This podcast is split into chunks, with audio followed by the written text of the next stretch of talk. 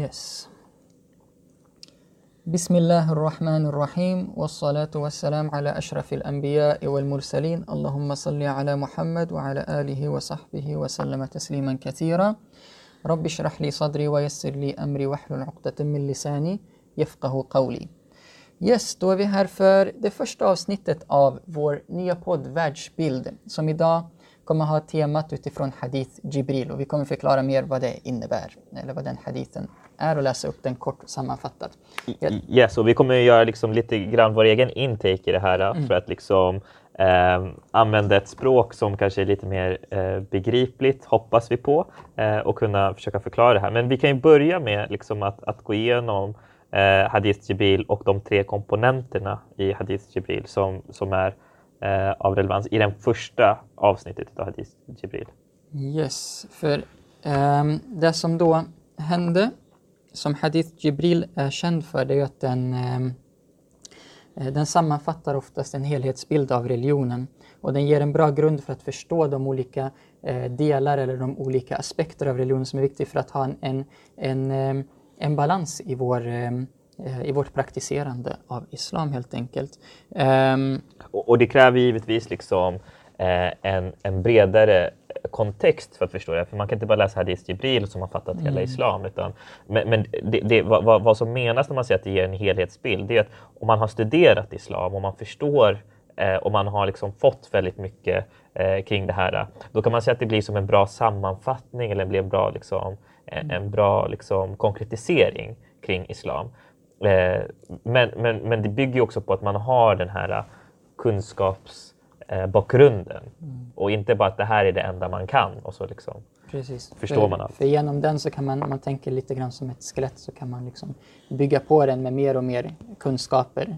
Um, och uh, det som, det som uh, lite så här kontexten till den är ju att profeten Muhammed sallallahu alaihi wasallam satt tillsammans med, med några av sina följeslagare, sahaba, i i öknen.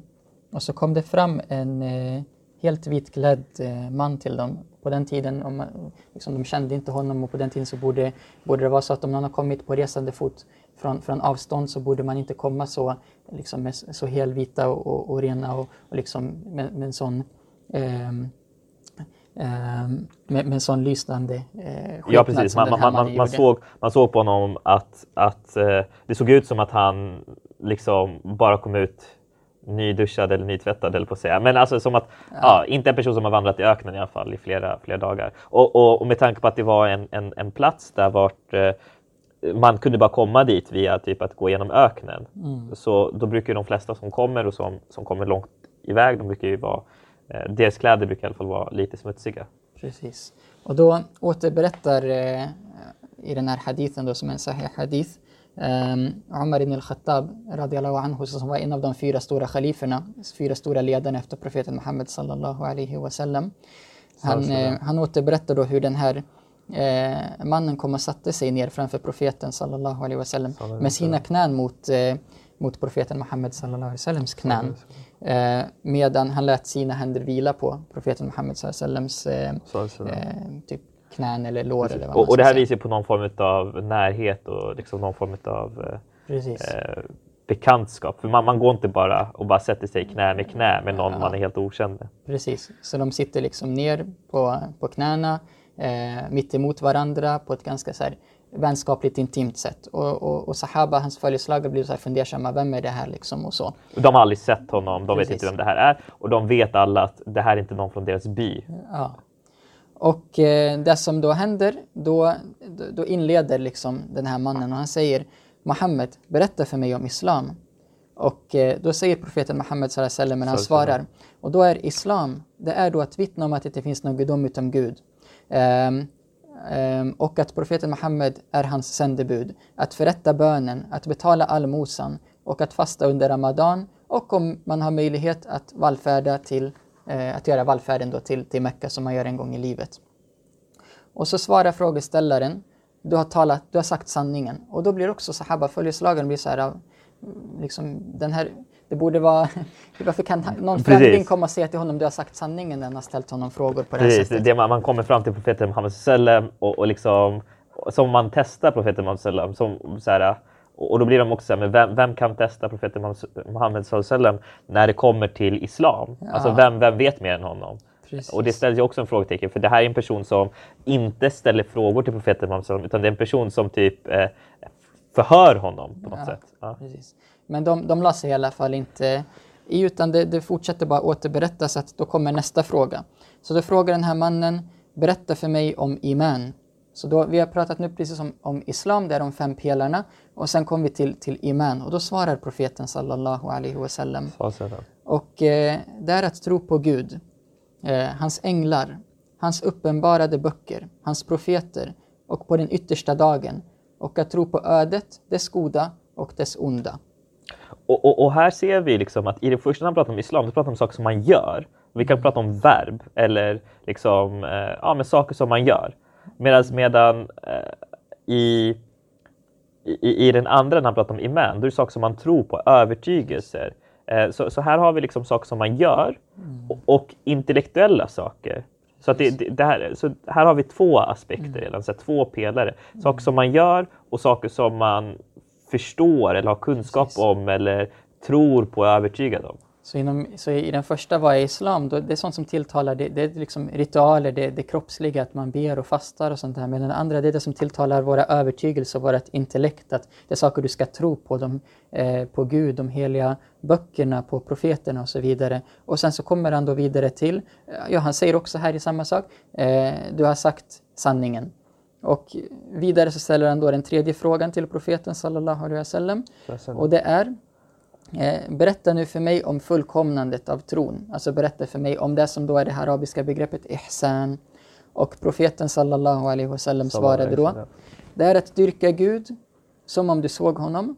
Och även om du inte ser honom så ser han dig.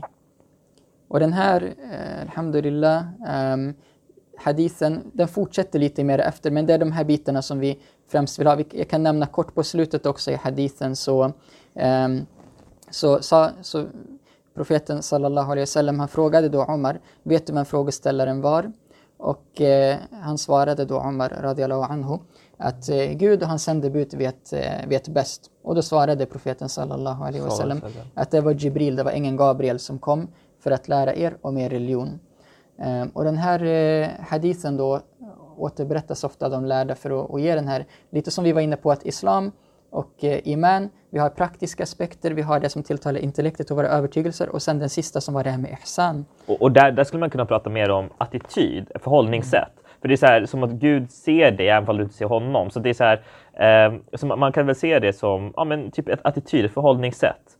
För det, det, det första handlar väl mer om det fysiska, om man ska säga, det kroppsliga, det fysiska. Det andra liksom om övertygelse och intellektuella. Och det sista kanske är mer emotionella, spirituella. Liksom, eh, attityd och förhållningssätt. Och, och tittar man på de här tre olika eh, konstellationerna, tre olika islamiska vetenskaperna, eller grenarna, skulle man säga, så kan man prata om att islam, eh, just det, det handlar om så här, vad man ska göra och inte göra. Eh, och, och hur man ska göra de här grejerna. Och, och, och det tas upp inom det vi kallar för fiqh. Eh, det här med övertygelse och eh, iman, det, det går in under det vi brukar ofta kalla för akida. Eh, och det här med attityd och förhållningssätt och liksom hur, jag, hur jag förhåller mig till saker och ting eh, kan man kalla ibland för eh, hjärtats kunskap eller liksom renandet av hjärtat. Och det går oftast in inom Deskia, lite tasawwuf. Eh, så så där har, du liksom tre, där har vi liksom tre, tre grenar av islam eh, som, som, som alla tre är väldigt viktiga. För att med bara fiqh så får du bara regler utan förståelse och utan eh, hjärta, utan, utan liksom eh, ja. Och, och har du bara liksom iman så har du liksom bara liksom övertygelser men utan liksom hjärtat i det eh, och utan liksom handlingarna. Precis. Och, går du, och har du bara ihsan utan iman och islam, då har du liksom bara det emotionella utan det intellektuella och utan handling, eh, utan rätt handling så att säga. Precis.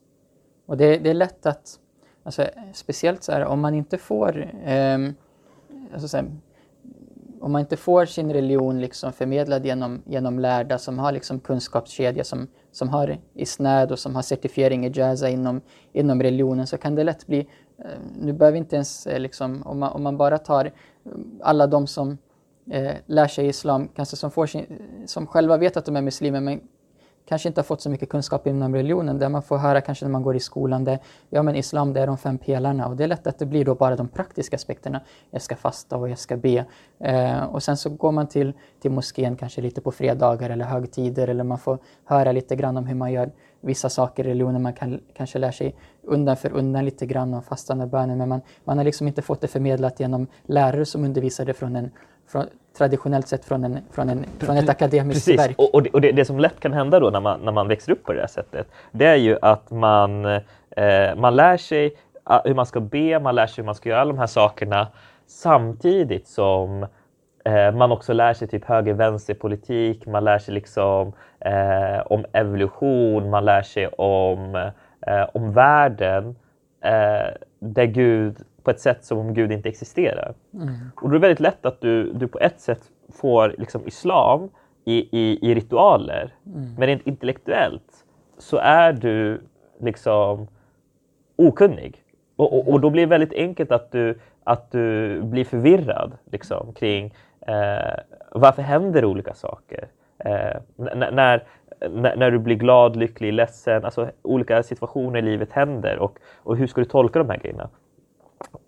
Och då blir det lätt liksom, man hör liksom musik som så här, Get Rich or Die Trying, liksom, No Pain No Gain, alla de här liksom, You Only Live Once, alla de här, alla de här slogans, alla de här eh, tankarna som påverkar en om man inte lärt sig eh, sin akida och man inte lärt sig liksom, sin övertygelse, liksom, vad det man ska tro på och så vidare. Och, och, då blir det ändå att man går på fredagsbönen, man gör alla de här bön, man gör alla de här grejerna, man har egentligen inte någon djupare koll. Man kan inte svara på större frågor. Man, man vet mm. inte varför eh, det ena eller andra händer. Precis. Och det är där det ligger en, en, en väldigt viktig och en väldigt stor roll för oss att spela i att vi behöver öka satsningen på kunskap om religionen i samhället, speciellt för de som är intresserade och vill ta del och fördjupa sig i sin identitet. Kunna ha den här balansen, för den här hadithen, den, eh, så, som, så som jag fått den förmedlad genom eh, och vi har fått den förmedlad genom våra lärare. Den ger oss liksom en, en Självklart in, den hjälper inte i sig som vi tog i början men den, den hjälper som en start men sen så fortsätter man lära sig. Okej, okay, ja, det finns bönen och fastan, ja då behöver jag gå och studera hur man, hur man gör dem så att jag gör dem på ett korrekt sätt. Ja, det finns också akida inom det här med vad vi är övertygade om och tror på, alltså våran troslära. Ja, vad ska vi tro på? Hur får vi det förmedlat på ett sätt så att vi inte blandar ihop det med liksom höger-vänster-politik eller blandar ihop det med eh, evolutionslära och börjar koppla ihop liksom islams eh, liksom Ja, jag, jag, jag fastar med... men, men, är liksom, men ser världen på kollektivistiskt eller jag fastar och ser ja. världen individualistiskt.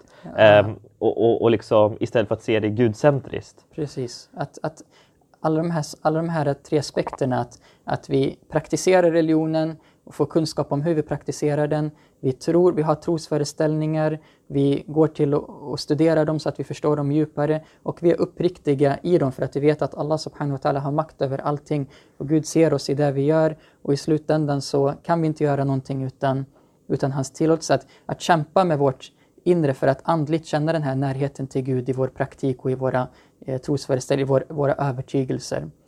Um, och jag tror där, där är någonting som ligger, ligger liksom ett stort ett stort ansvar, en stor satsning som jag ser att vi jobbar med i Muslimska fredsrörelsen framöver och fortsätter liksom förstärka och stötta eh, liksom där, där den, den kunskapsspridningen kan ske i samhället för att eh, det, det, saknas, det finns ett stort ja, glapp idag. Och, och, det, och, det, och det ser vi ju liksom för att vi, vi ser eh, för förstår man de här sakerna ordentligt och man jobbar med de här grejerna då, då, då, då ska det här också ha ha, vara till hjälp när det handlar till exempel om psykisk ohälsa. Det är väldigt många människor som mår dåligt och så vidare. Mm. Och där går in Deskia och Tesawuf men också Iman in väldigt mm. mycket på hur man kan göra. För det, det, för det, visst, det är bra att man läser Koranen, det är viktigt att man ber och så vidare, det är viktigt att man gör handlingar.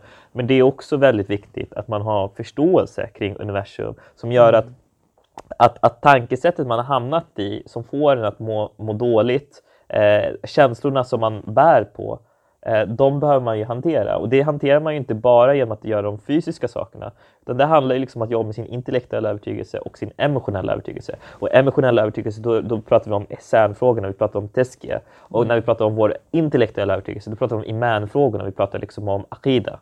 Mm. Precis. För i slutändan så är vårt mål att komma närmare Gud, att eh, känna kärlek till Gud, att känna Gud på allra bästa sätt. Och det gör vi genom att praktisera religionen med, så, så, med, med en så stor perfektion som möjligt. Även om vi vet att det inte kan bli perfekt, så är vår strävan där, vår ansträngning är där att göra så gott vi kan. Vår avsikt är där att den är för Guds skull och vi vill göra liksom gott.